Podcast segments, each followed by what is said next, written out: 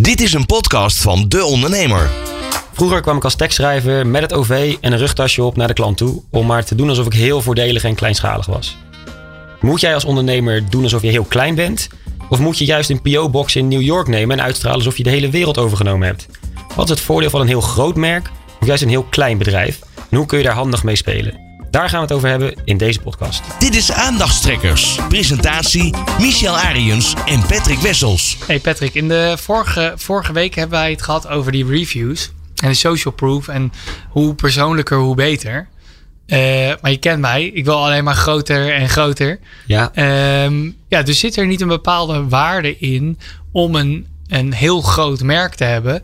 Bedoel, Amazon uh, die, uh, die neemt de wereld over en Facebook ook. En weet je, die, die slokken potentiële competitors op. Mm -hmm. en maar bijvoorbeeld in de brillenwereld is volgens mij hetzelfde verhaal. Iedereen al die merken zijn een soort van onderdeel van een groter. Ja. Je denkt dat je keuze hebt, maar dat valt wel mee volgens mij. Ja, volgens mij zitten een soort van twee grote partijen achter alle brillenwinkels in Nederland. Ja.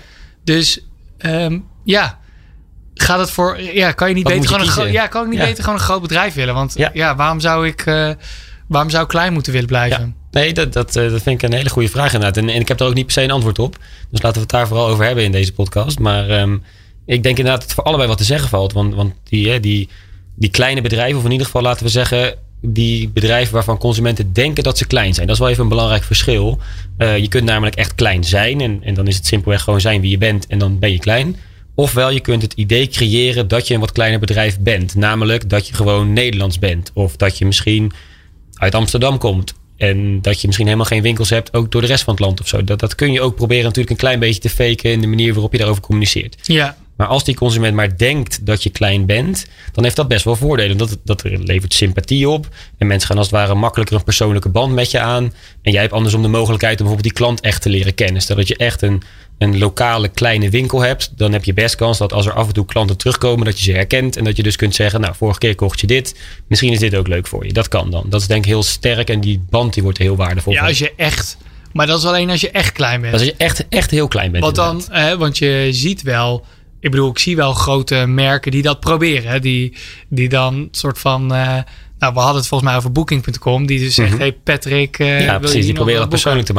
het eh. En, en er zijn ook wel grotere merken die natuurlijk enigszins proberen zo'n warme, gezellige, kleinschalige sfeer te creëren. Op het moment dat je bij een rituals binnenloopt, dan gingen ze ineens kopjes thee serveren. Ja, precies. Nou zit daar nog wel een iets andere reden achter, denk ik. Maar dat is toch een beetje om die warme band te creëren. Ja, en die waarschijnlijk gloedheet, eh, dat, eh, dat kopje thee, zodat je minimaal een kwartier in die winkel staat. dat thee dat is ook nog een hele goede inderdaad. Daar heb ik überhaupt nog nooit over nagedacht. Maar Sowieso dat dat het is. Het klopt wel als je hem dus war, vasthoudt en het is warm, dat je überhaupt mensen wat warmer beoordeelt, waardoor die verkoper ineens een stuk aardiger is en dat je ineens denkt van, nou, misschien ken ik diegene wel ergens van. Ehm, dus daar zit allerlei slimme psychologie achter op zich. Ehm, maar je ziet inderdaad dat merken dat proberen. Terwijl aan de andere kant zie je ook dat sommige merken juist zeggen, nou ja, wij zijn gewoon de allergrootste. En, en Amazon is dan weer een overtreffende trap. Maar ook Bol.com roept al heel lang, wij hebben gewoon alles voor iedereen. Ja. En wij zijn daar gewoon de allergrootste in. In Nederland dan weliswaar. Ehm, de- dus het een is niet per se beter dan het ander, denk ik. Alleen je moet natuurlijk wel goed nadenken over wat dan de voordelen zijn van zo'n heel groot merk. Of wat de voordelen zijn van zo'n heel klein merk. Nou ja, Coolblue eh is eigenlijk degene die van kleine merkjes naar grote merken is gegaan. precies. Goed voorbeeld. Want je had eerst soort van laptopshop.nl of eh stofzuiger.nl. En stofzuiger, inderdaad. Ja, en dat werd allemaal op een gegeven moment eh, opgerold in Coolblue. Ja, nee, zeker. En, en, en daar zit denk ik inderdaad zie je een goed voorbeeld van wat het dan op kan leveren als je zo'n groot merk bent. In ieder geval naar, in je communicatie naar consumenten toe. Zeker. Omdat je inderdaad kunt zeggen dat voor wel, zowel de stofzuigers als de koelkasten, als alles wat je nog meer te bieden hebt, dat je altijd datzelfde Coolblue verhaal vertelt. En niet dat inderdaad de stofzuigershop alles voor een glimlach doet. En dat trouwens ook de koelkastshop alles voor een glimlach doet. Daar word je op een gegeven moment vrij moe van. ja. Terwijl dit inderdaad één duidelijke boodschap is, waardoor je weet of ik nou het een koop of het ander. Ik zit altijd bij een bedrijf die er alles aan zal doen om mij heel blij te maken. Dus, dus dan werkt inderdaad zo'n groot merk denk ik heel erg goed. Omdat ze dat in al die aspecten ook doorvoeren. ja, maar ik denk ook dat dat afhangt van wat je, van wat je verkoopt eigenlijk. Want bijvoorbeeld bij, ehm, eh, als, als je een maatpak eh, doet, ja, dan vind ik het wel eigenlijk wat hebben. Mhm. Dat iemand weet wie jij bent, wat je maat Ja. is. En dat je een beetje een gezellig praatje houdt. Of eh, bijvoorbeeld, ik ga naar een eh, barber hè, of voor mijn baard. Ehm, ik vind dat, dat is even mijn eh vertroetelmomentje, laat het zo zeggen. Ehm, maar ik vind het leuk dat dat altijd bij dezelfde vent is. En dat is een Ja. relatief kleine winkel. Ja, hij het heel in zijn vreemd eentje, zijn dus hij is altijd zeggen... in zijn eentje. Snap je? Dus Ja. hij, is, hij is mijn barber. Hij is mijn baardman. Ja, precies. Het zou toch heel vreemd zijn als die zeggen van ja, eh, we doen trouwens dit altijd en voor iedereen die komt. En het maakt dus eigenlijk helemaal niet uit wie jij bent. Dat zou toch heel vreemd zijn als zij dat daar zeggen. Nee, zeker. Maar dus, dus in zijn geval wordt dat heel erg gewaardeerd. Maar aan de andere kant, ja, is dat dan beter dan een McDonald's die, die overal hetzelfde biedt? Nee, klopt. En, en, en eh, wat dat betreft, McDonald's eh, weet ik, die, die zijn al 50 jaar bezig om dit in Nederland te doen. En dat doen ze al best wel goed. Dat hebben we dit jaar eh, een soort van gevierd, geloof ik. Ik niet persoonlijk overigens, maar destijds waren daar bepaalde mensen heel blij mee. Maar die doen inderdaad precies het tegenovergestelde. Die zijn juist een heel groot merk en daarvan weet je een beetje wat je krijgt. En ze hebben achter die desk echt geen idee wie jij bent. En dat is ook helemaal niet zo belangrijk op dat moment. Sterker nog, ik denk dat mensen heel raar op staan te kijken als ze daar zeggen: Hey Michel, wat leuk. Vorige week was je hier ook. Toen had je dit en dit en dit. Wat wil je deze keer hebben? Zal ik je eens even verrassen met een extra vleesburger of zo? Geen. Nou, aan de andere kant zou ik dat wel. Ik, ik weet het niet, hè, maar ik ben wel. Ik ben natuurlijk van degene die. van de, van de, van de hoek die zegt. Als je toch al mijn data pakt. Mhm. Gebruik het dan om het voor mij fijner te maken, weet je wel. Als je toch al die Ja, maar ook als jouw vrienden achter je in de rij staan en ze tegen jou zeggen: Goh, wat leuk dat je er weer bent. Waarom was je er eigenlijk vorige week niet? Want we hebben je een weekje gemist. Ik denk dat het dan toch. Dat is misschien enthousiast. Dat is misschien te enthousiast. Maar wat ik wel bijvoorbeeld grappig vind, is dat de Albert Heijn dus die persoonlijke bonusbox heeft. Ja. Dus ik krijg, omdat ik me heb aangemeld, eh, vangen ze die data af. Mhm. En dus ik mag iedere week vijf bonussen kiezen, speciaal voor mij. Ja, Uit tien aanbiedingen. zeker. En ik zie echt dat mijn wekelijkse boodschappengedrag die tien aanbiedingen voor de week erop beïnvloedt. Direct. Ja, maar dat, dat geloof ik. En dat is ook een, een goed voorbeeld, denk ik. Dat juist zo'n supermarkt. Hè, we weten allemaal dat Albert Heijn een groot bedrijf is. Maar, dat dat niemand dus- uit te maar daar kan zo'n klein partij ook nooit van winnen. Niet op dat gebied in ieder geval. Dat niet Nee. inderdaad. Terwijl zo'n hè, Albert Heijn kan inderdaad door middel van de data natuurlijk... wat ze ook weten over andere klanten... kunnen ze jou wel degelijk proberen te verrassen met iets. Dat kan. Maar dat kunnen ze nooit doen vanuit zo'n sterke warme band... als die een lokale kruidenier zou kunnen hebben... die echt weet wie jij bent. En echt kan zeggen van nou, ik heb nou iets moois. Omdat jij ook weet dat die lokale kruidenier... weet niet op reis naar waar dan ook gaat... om daar de meest bijzondere ingrediënten te vinden en producten te vinden. Dat weet jij van diegene en daarom waardeer je die band zo erg. Dat kan een Albert Heijn nooit voor elkaar krijgen. Dat lukt ze niet. Terwijl ze aan de andere kant wel het voor elkaar krijgen dat je toch het idee krijgt dat ze je een klein beetje kennen. Omdat ze heel graag willen dat ze natuurlijk lokaal beoordeeld worden. Omdat het een lokale Albert Heijn is. Dat is in een dorp misschien nog ietsje sterker dan in een stad. Maar dan is het echt een lokaal winkeltje. In plaats van de grote Albert Heijn die door het hele land zit met 600 winkels. Dat is niet wat ze per se willen uitstralen. Nee, terwijl. eh, nee, dat, ik, ik geloof je daarin wel. Alleen ik moet zeggen dat ik dat wel in het geval van Albert Heijn al minder vind de afgelopen jaren. Omdat ik weet nog toen ik werkte bij de Albert Heijn in het grijs verleden. Dat er ook altijd soort van een foto hing aan de muur van de Albert Heijn. Mhm. Van de manager. Ja, en van mensen die niet naar binnen mogen.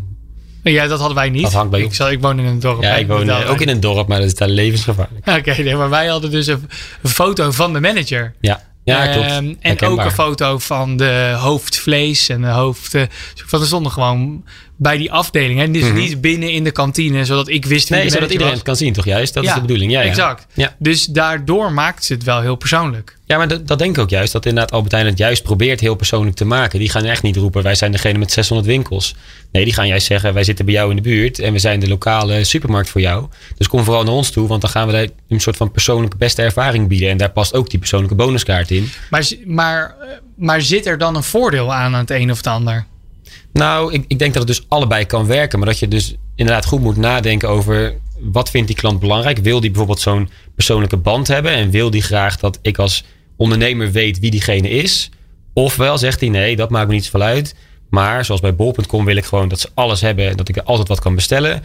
Of ik wil bij Uber wil ik zeker weten dat er waar ook ik kom. Dat ik ergens een taxi kan bestellen en dat ik een bepaalde service krijg dat zou je denk ik moeten bepalen als ondernemer wat dan de belangrijkste behoefte is van die klant. En als dat is, ik wil graag die band met je opbouwen, ja, dan moet je niet gaan roepen dat je de allergrootste ter wereld of in Nederland bent. Nee, dan moet je juist net doen of je één klein winkeltje hebt, speciaal voor die klant die daar vaak komt. Dus ik denk dat je daar goed moet kijken welke kant je op wilt gaan en dan proberen alles daarvoor te optimaliseren. Ja, precies. Maar ik denk dan, la- laten we nou deze gedachtegang, even, laten we een eh, random bedrijf of een random sector nemen. En dan eens even met elkaar de discussie voeren over of het voor die partij. Kijk, het is natuurlijk heel makkelijk. soort van moet je groot zijn of klein blijven? Of moet je proberen eh, je als groter voor te doen of kleiner voor te Mhm. doen? Heel veel bedrijven hebben helemaal die kans niet. of die keus, want ze zijn gewoon zo groot zoals ze zijn. Ja, natuurlijk. Maar je kunt denk ik wel degelijk je communicatie gebruiken om iets kleiner over te komen. Op het moment dat. Hè, ik las laatst een artikel en dat ging erover. Stel nou dat je natuurlijke producten verkoopt. Of in ieder geval zegt dat ze natuurlijk zijn. Want daar wil ik verder even vanaf zijn. Ja. En als je dat dan doet, moet je dan proberen om te zeggen: Nou ja, ik ben dus de allergrootste speler. En wij zorgen ervoor dat die producten natuurlijk zijn. Waardoor we zoveel mogelijk mensen die natuurlijke producten gaan verkopen. Of moet je zeggen: Nee, wij zijn juist heel erg klein. En we proberen het hard, maar het lukt nog niet heel erg geweldig. En, en we zijn bezig met, we roeien met de riemen die we hebben als het ware. Maar daardoor hebben we wel een volledig natuurlijk product. wat we aan jou als specifieke klant gaan aanbieden. Daar kun je wel degelijk, denk ik, de communicatie iets op sturen. En wat je dan ziet, is dan dus dat dat tweede waardevoller is voor de gemiddelde consument dan dat eerste. Op het moment dat je net doet alsof je een heel klein bedrijf bent. Toevallig heb ik voorbij zien komen iets als Marcel's Green Soap. Ja. Nou, weinig van gehoord zelf, maar ik dacht, ik ga eens even op onderzoek uit alle communicatie die zij doen is net alsof Marcel op een middag dacht: Nou, weet je wat, ik moet iets natuurlijks gaan maken. Zeep, namelijk zonder allerlei uh, chemische onderdelen. Ja. En ik ga dat gewoon lekker beginnen. Ik heb een zoldertje over en dan ga ik gewoon zeep maken. En dan ga ik eens proberen dat aan de mensen te, eh, te verkopen. Ja. Terwijl, is dat dus niet zo? Nou, Marcel bestaat niet. Tenminste, er is vast een Marcel, maar die maakt geen green soap. Uh, Marcel's Green Soap is een onderdeel van een bedrijf uit de Verenigd, het Verenigd Koninkrijk. Die zitten in Duitsland, in Frankrijk, in Nederland en in Engeland dus. Het is gewoon een hartstikke groot bedrijf. Alleen die doen net alsof ze heel klein zijn. Ja, grappig. Want ik, ik, ik zat bij Unilever toen zij wat merken hadden verkocht aan Marcel's Green Soap. Toen dacht ik, wow, best een groot speler dat die, uh, dat die Marcel zo in één keer. Maar ik dacht echt dat het Marcel. Nee, Marcel, daarom, Marcel ja, dus dat is een heel goed voorbeeld van, van een bedrijf wat eigenlijk best wel groot is of heel groot is. Maar net doet alsof ze heel klein zijn. En in dit geval, dus voor natuurlijke producten, werkt dat heel goed. Psychologisch namelijk, omdat we dan als consument uh, vergelijken we dat eigenlijk een beetje met de geboorte van iemand. Als iemand heel jong is, net geboren, diegene is nog heel puur en niet beïnvloed. En zo kan een heel klein bedrijf, daar gaan we vanuit, nou die is waarschijnlijk dan net begonnen. Die is nog heel puur, niet beïnvloed, geen automatisering enzovoort. En daardoor kunnen we van een Unilever, die bijvoorbeeld uh, Andy heet het geloof ik, ook zo'n schoonmaakmiddel daarvan verwachten we, nou, dat is een heel groot bedrijf. Dus dat is waarschijnlijk helemaal geautomatiseerd. Heeft iedereen wat van gevonden. Dus dat zal sowieso niet heel natuurlijk zijn. Terwijl als je op de website kijkt, bij Marcel's Green Soap staat geloof ik dat het iets van 97% is, is natuurlijk. Of in ieder geval het verreweg het grootste deel.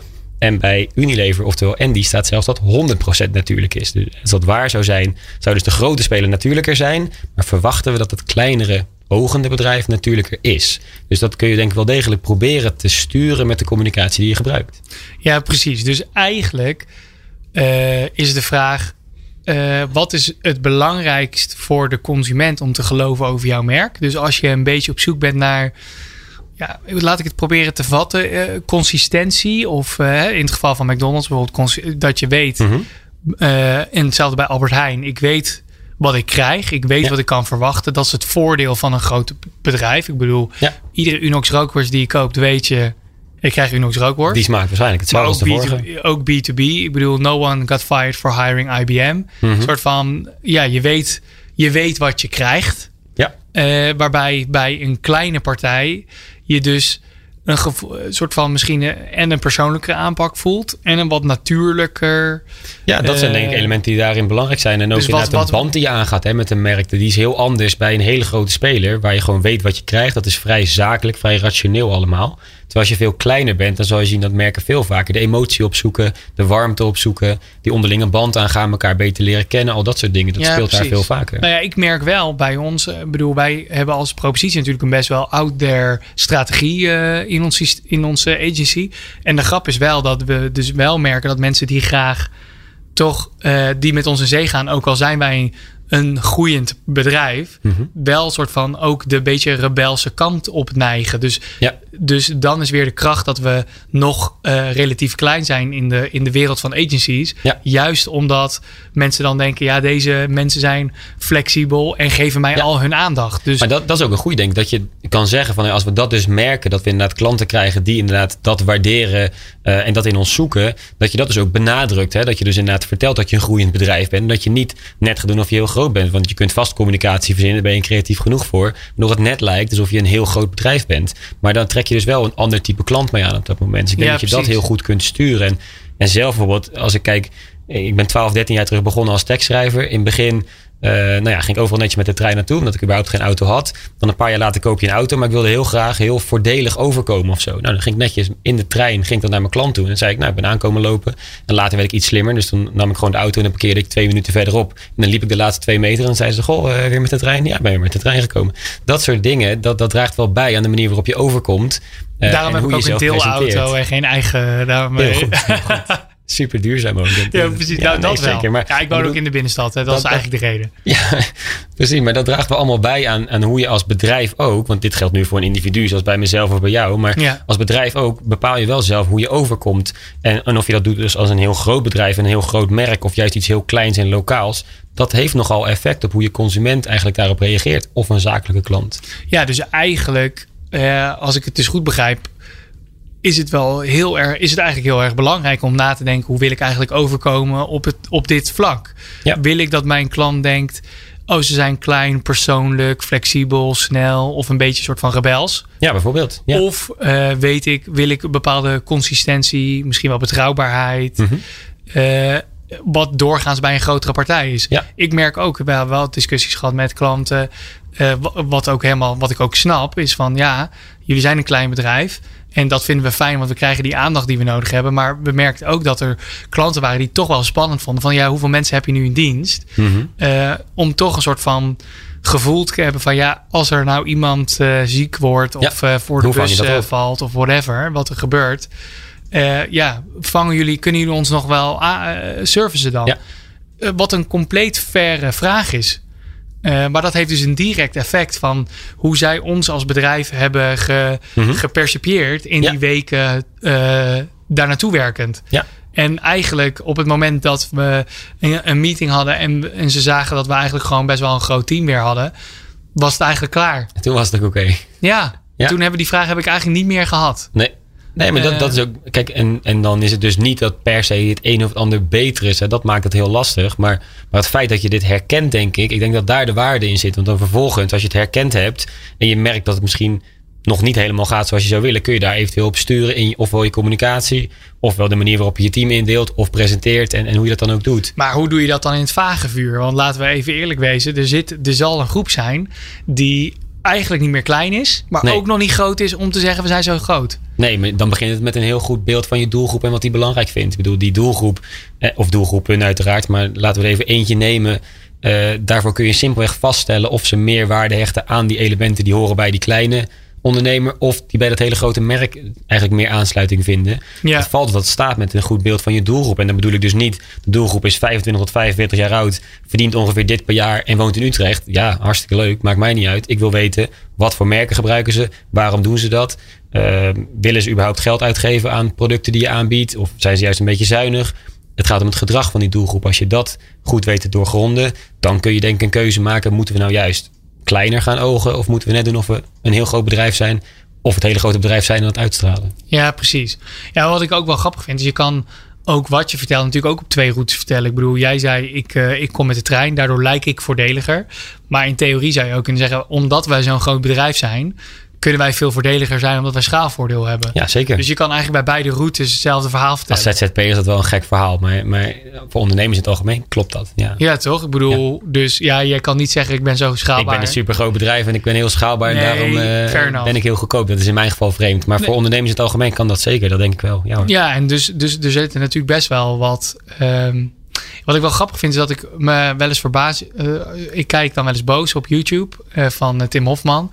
Eh, Ik ook, alleen als ik er zelf in zit. Ja, maar wat ik dan grappig vind aan, aan, aan Boos bijvoorbeeld, is dat er nog steeds soort van klachten binnenkomen over dropshippers. Mhm. Ik denk, ja, wat ik mij dus verbaast is dat die webshops, die tonen, die zijn echt zichtbaar dropship webshops. Ik bedoel, daar is geen twijfel over mogelijk. Denk ik dan. In ieder geval voor mij is dat helder. Ja, ja. Ehm, ja, maar jij bent hier veel mee bezig en ik ook. En, en daardoor herkennen wij dat. Eh, dus ik denk dat we moeten onderschatten dat niet iedereen daar iedere dag naar zit te dat kijken. Maar goed. waar. Maar ik bedoel, meer, ook daar is het natuurlijk hetzelfde. Je hebt kleine webshops. Ik weet nog, dat vond ik echt heel leuk, dat ik... eh Caroline, eh, mijn vriendin, die, die had een keer, weet ik veel, een chocoladereep bij de Bijenkorf gekocht. Weet ik veel, een of andere craft. en die vond ze super lekker. En toen had ze die niet meer bij de Bijenkorf. En toen ben ik gewoon gaan zoeken. Mhm. Van waar hebben ze nog? Nou, blijkbaar niet in Nederland. Moest ik dus eh, iets laten komen uit de UK. Maar toen dacht ik, ja, vind ik wel een leuk cadeautje. Ik bestel wel in één keer zes van die repen. Dan betaal ik die, die, die hoe zeg je dat? Die, die verzendkosten ja, wel. Ja, ja. En eh, toen deden ze er en nog twee reepjes bij, gewoon voor het leuk en een briefje erbij. Maar je zag aan die webshop inderdaad dat dit gewoon echt een craft bedrijfje was. Dit was wel iemand die op de zolderkamertje waarschijnlijk Nou, dit zat te doen. Nou, ik denk niet zo klein, maar wel, maar wel gewoon in de garage. ja, ja. Eh, of in ieder geval net zoals een kleinere bierbrouwerij. Mhm. Want om chocolade te maken moet je wel echt wat materiaal hebben. Oké, ja. Eh, maar net zoals een kleine bierbrouwer eigenlijk. En het- dat maakt het wel inderdaad specialer Ja. voor mij als cadeautje. Precies.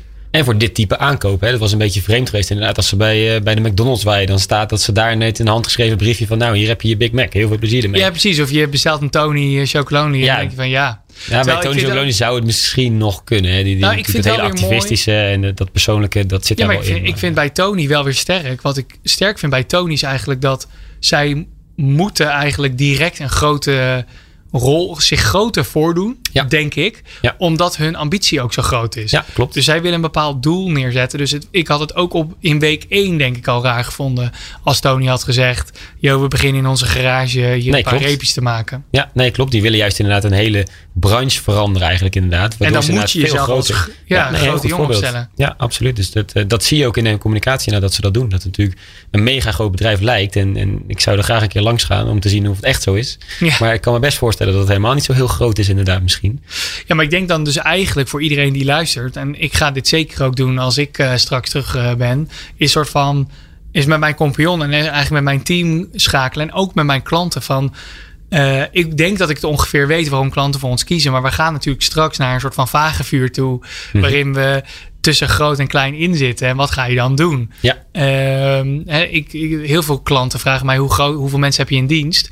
En ik merk dat ik het steeds moeilijker vind om te zeggen. En ik wil niet omdat ik niet de waarheid wil zeggen, maar omdat ik toch niet goed kan inschatten als iemand die vraag stelt. Hoop je nou dat het getal horen. hoog is? Ja, precies. Of hoop je dat het getal laag is? ja. Eh, dus wel leuk zeg, om een keer te testen. Dat je gewoon een keer tegen een klant zegt, nou twee. nou, en dat zeg, je dan kijkt hoe ze reageert. Terwijl je de volgende keer zegt, nou 650, hoezo? Nou, ik zeg wel altijd eigenlijk de waarheid. Maar ik, als ik een gevoel krijg dat daar een beetje teleurstelling in zit, dan leg ik uit, want dat is ook gewoon zo. We hebben best wel een brede, flexibele schil. Mhm. Dus wij hebben toevallig samen nog nooit samengewerkt. Maar eh, het zou bijvoorbeeld kunnen zijn dat als wij een verzoek krijgen en ik Mhm. denk, ja, we hebben eigenlijk die specialiteit op dit moment niet eh, beschikbaar of wat dan ook. Dat ik dan denk, ja, dan, dan zou ik jou willen bellen. Ja. En dat we dan samenwerken. Dus we hebben best wel een grote flexibele schil van mensen die wij weten die goed zijn. En Mhm. in ons geval hebben we dan nog geen afspraken, maar met de meeste mensen hebben we dan afspraken. Ja. Dus op het moment dat ik merk, hey, eh, de reactie is niet zo positief als dat ik zou willen, dan leg ik uit dat we die flexibele schil hebben. Ja, en, vink ik- je erbij met, ik moet voortaan zeggen dat we groter zijn. Precies, eh, in ieder geval bij deze type klant. Ja, en bij de klanten waar ik merk dat het aantal gewoon positief wordt ontvangen, of misschien zelfs een beetje aan de grote kant is, dan leg ik uit dat we relatief een aantal specialisaties hebben in het team. Ja. Waardoor het dus misschien voelt alsof het heel groot is, maar specifiek voor wat zij willen, het eigenlijk het aantal mensen die dat zal doen niet heel groot is. Ja, jij bent marketeer, dat, dat hoor je. Nou ja, ja, ik ben er wel mee bezig. Maar ik merk wel dat ik het, dat ik het nog niet zo zie. Dus ik doe dat nog heel erg onderbuikgevoel. Ja, precies, dat, dat snap ik. Ja. Eh, en de grap is dat ik eigenlijk niet nadenk over welke klanten wil ik. En hoe moet ik me dus eigenlijk presenteren voor de klant die ik zou willen. Mhm. Nee. Omdat wij nu heel erg in zo'n sterke groeifase zitten. Dat ja, we bijna een soort van allerlei type klanten eh, Ja. eh, helpen. Ja, ja. En dat maakt het lastig. Maar ik denk dat dus de moeite waard is voor de luisteraars om eigenlijk te gaan nadenken. Ja, Oké, wie ben ik dan- als klant inderdaad? En, Ja. en welke strategie past daarbij om in ieder geval de grootte van het bedrijf te presenteren? Precies. Kijk, je hoeft niet te liegen. Dat, dat is wel een goede dat je dat zegt hoor. Want, want het is niet de bedoeling om te gaan liegen dat je in één keer heel groot bent. Maar je kunt wel, als je heel groot bent, dat heel nadrukkelijk communiceren of niet. In beide gevallen vertel je de waarheid. Alleen in het ene geval vertel je wat meer dan in het andere geval. Dat, dat is denk ik een belangrijk verschil. Nee, zeker. Maar je hebt heel veel bedrijven die bijvoorbeeld dan een adres in New York hebben, wat Ja. gewoon een, eh, een eh, PO-box is. Ja. Ehm, en dat is Ik zag inderdaad een, een, een foto ergens online voorbij komen van een of ander bedrijfsbusje van een schilder of zo. En er stond achterop New York, Milaan, eh, Londen, En dan stond er Oldenzaal, tussen haakjes, meestal in Oldenzaal. dat, dat vond ik dan wel weer een hele leuke wel om leuke, dat leuke- grappig te doen. Ja, precies. maar, in daar moet je wel over nadenken inderdaad, ja. Ja, maar zo, nee, maar dus dat is misschien te extreem. Maar ik vond wel, ik vind wel, dat is gewoon een leuk grapje natuurlijk. Ja. Maar ik vind wel, ik vind wel de, ehm, zonder te liegen. Ik bedoel, je kan een PO-box in New York, dat is wel een randje liegen hoor. Maar, Ja, dit is Eh. wel grijs gebied, hè? donkergrijs. Maar. maar ik denk, ik denk aan zich van precies wat je zegt. ehm, het is het benadrukken van het een of het ander. Het is een soort van jij en ik zijn wie we zijn. En toen wij met onze partners gingen daten, toen, toen dan lig je in je eerste date of tweede date lig je ook iets anders uit. Mhm. Ik bedoel, je, je legt niet je hele levensverhaal op minuut één op tafel. Ik hoop het niet. Nee. Nee, dus je, dat is ook een beetje een buffetje loop, waar Ja. je een beetje uit kiest. Oh, ik lig dit even toe. Ja. Of we doen het bij ons op kantoor, omdat het heel groot is. Of we doen het liever bij de dat klant op kantoor, zodat ze dat niet doorhebben. Ja, mee eens. Dus, dus er zijn natuurlijk heel veel manieren om daarmee te spelen. Ja. Maar Laten we hopen dat ondernemers daarmee gaan spelen inderdaad. En laten ze maar inderdaad, ik hoop dat heel veel mensen dat even uit gaan zoeken inderdaad. Dat ze gaan nadenken van ja, wat, wat willen we dan ongeveer daarmee? Ja, Eh, ofwel, wat merken we wat er goed gaat of niet goed gaat? Ik denk dat je daar eh, behoorlijke stappen mee vooruit zou kunnen maken. Weet je eh, wat ik denk dat heel erg werkt, zou werken bij deze podcast? Zeggen dat die heel groot is. We hebben zoveel downloads. Ja, dat is niet normaal. Die, die servers, ik, zie ze staan. Ja. Rook, dat is echt niet te geloven. Echt. En er zit hier iemand gewoon naast die, die onze podcast edit. En we zitten in de studio. Dit is echt een professionele Hij, hij zei ook vanmiddag toen ik binnenkwam, wat een eer om jou weer te ontmoeten. Dat is echt, exact. eh. Dus wij worden wel echt als rockstars. Worden. ja, dit is niet te geloven. Daarom. Dus eh, om maar aan te geven, dit moet je luisteren. Dit is Ja. eh, niet alleen expertise niveau gewoon enorm hoog, maar ook consistentie. Iedere week ga je van dit soort toffe afleveringen krijgen. Zo groot zijn we. Precies. Dit moeten we wel gaan waarmaken. hè. Exact. We gaan ons best doen. Bedankt. Dankjewel. Hoi. Tot zover Aandachtstrekkers, een podcastserie van de ondernemer. Ga voor meer podcasts naar deondernemer.nl.